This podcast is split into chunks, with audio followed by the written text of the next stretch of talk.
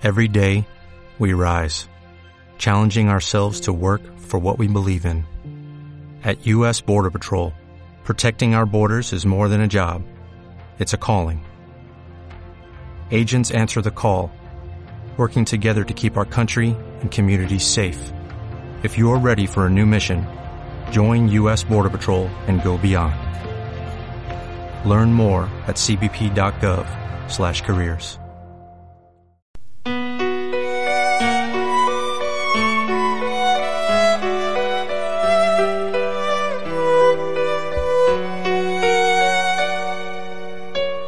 Els tres porquets.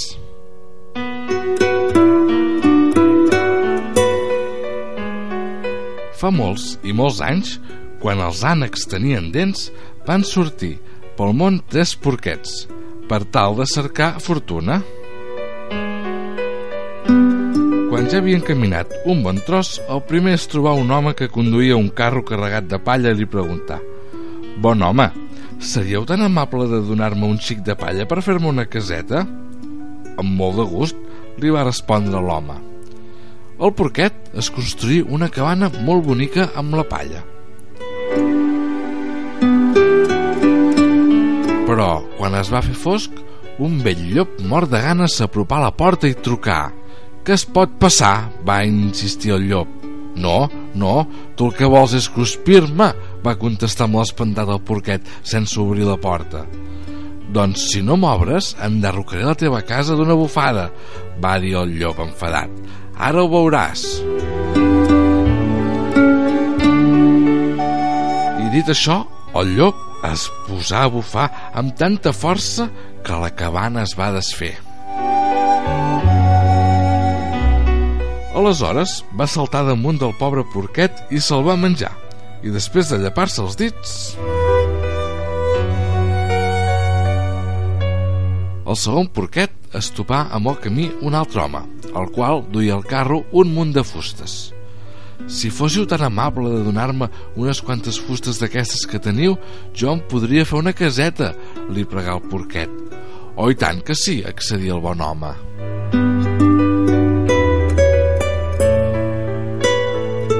Amb les fustes, el porquet vestia una bonica casa. Però a la nit es presentà el llop amb la intenció de menjar-se'l.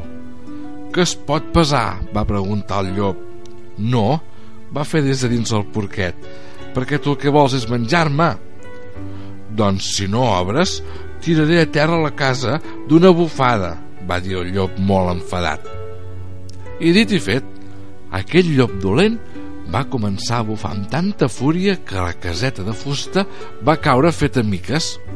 Aleshores va saltar damunt del pobre porquet i se'l va menjar de dues queixalades.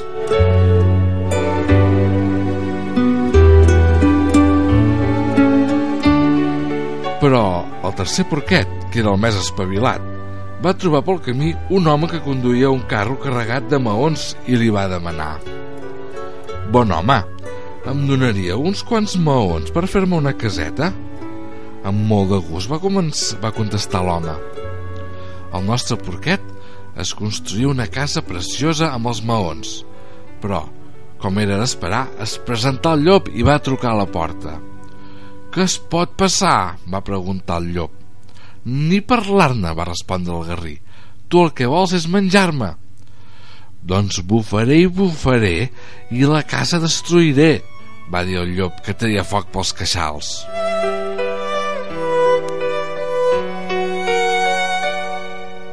Doncs bufa tant com vulguis, li va contestar el porquet. I el llop es posà a bufar amb tota la seva força.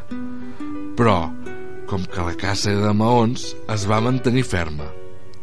Aleshores, el llop va rumiar una idea millor. Benvolgut porquet, va dir dolçament. Conec un camp de corull d'unes cols que t'agradaran moltíssim. Demà al matí vindré allà a recollir-te i t'hi acompanyaré. Podràs ativar-te tant com vulguis.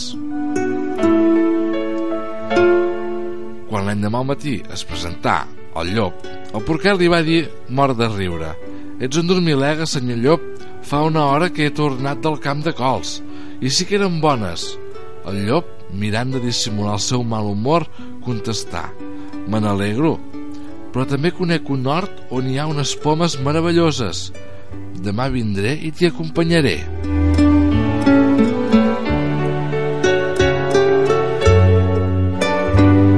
Quan l'endemà al matí el llop es va presentar, el garrí ja tornava de l'hort de les pomes. En veure el llop, s'enfilà dalt d'un arbre. El llop, des de baix, se'l mirava i pensava en menjar-se'l. Sí que és veritat que són molt bones les pomes que em vas indicar, va dir el porquet. Tasta'n una, senyor llop. En dir això, va llançar una poma força lluny, mentre el llop corria, corria a recollir-la. Ell se'n va anar ràpidament a casa seva i tancar la porta amb clau.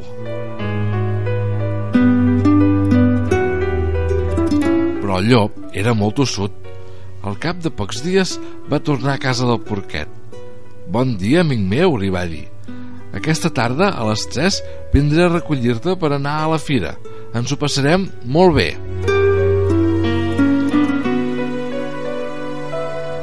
El porquet no va contestar res, però amb prou feines van tocar dos quarts de tres del rellotge de la torre de l'església que va marxar sol a la fira i va comprar un barril buit.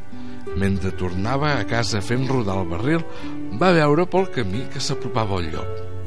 En un tres i no res es ficà dins de la bota i el va fer rodolar en direcció a la casa. El llop, en veure-ho, s'espantà molt i va fugir rebent. Però, quan es va haver recuperat de l'ensurt, el llop va tornar a casa del porquet i li digué «Haig d'explicar-te una cosa que em va passar l'altre dia». «Digues, digues, digues, senyor llop», va respondre el porquet des de dins. «Explica'm què et va passar».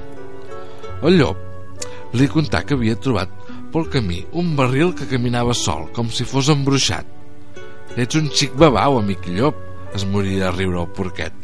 El barril no caminava sol, sinó que hi anava jo dins.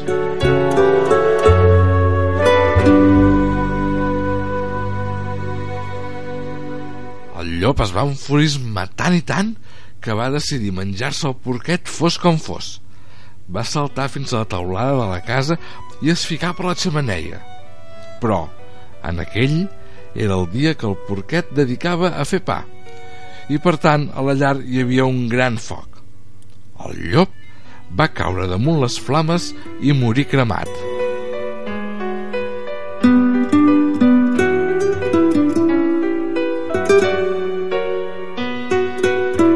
I així s'alliberà el porquet del seu perillós enemic.